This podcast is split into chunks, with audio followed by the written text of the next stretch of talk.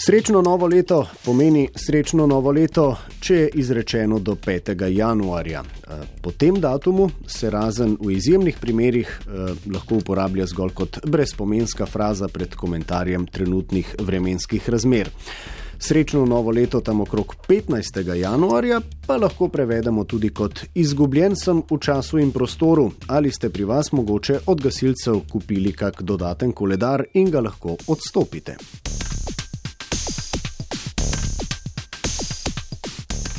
Voščilo srečnega in veselega, pa debelega, čemu sledi nerodna tišina in pričakovanja polno privzdigovanje obrvi, pomeni, trenutno se ne morem spomniti vica, ki sem ga zjutraj prebral na zadnji strani slovenskih novic, ampak rad bi malo pozornosti. Morebitni dodatek, pa velik pirhov, pa je že jasen znak za alarm. E, beremo ga lahko namreč tudi kot na pomoč, sem osamljena duša, brez vsakršnega smisla za humor in hrepenim po človeški bližini. Prosim, nasmehni se in mi daj vedeti, da nisem sam.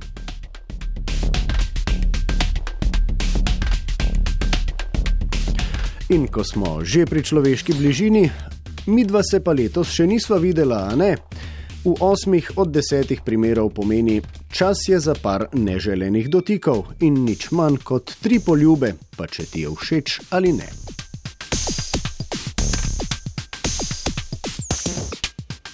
Nadalje, kje ste bili pa vi letos, ima v večini primerov zelo podobno funkcijo kot kje boste pa vi letos. E, torej, dejansko pomeni, a veš, kje smo bili pa mi letos, čak ti takoj vse povem.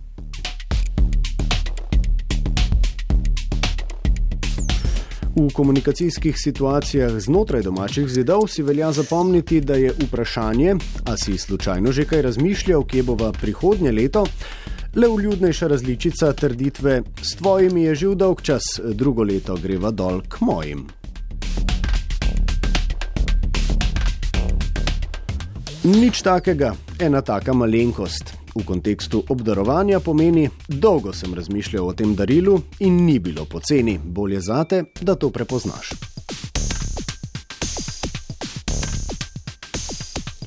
In po drugi strani izjavi: Ja, zelo mi je všeč, sem glih eno tako že gledal zadnjič v trgovini, vse le manjka nadaljevanje. Torej.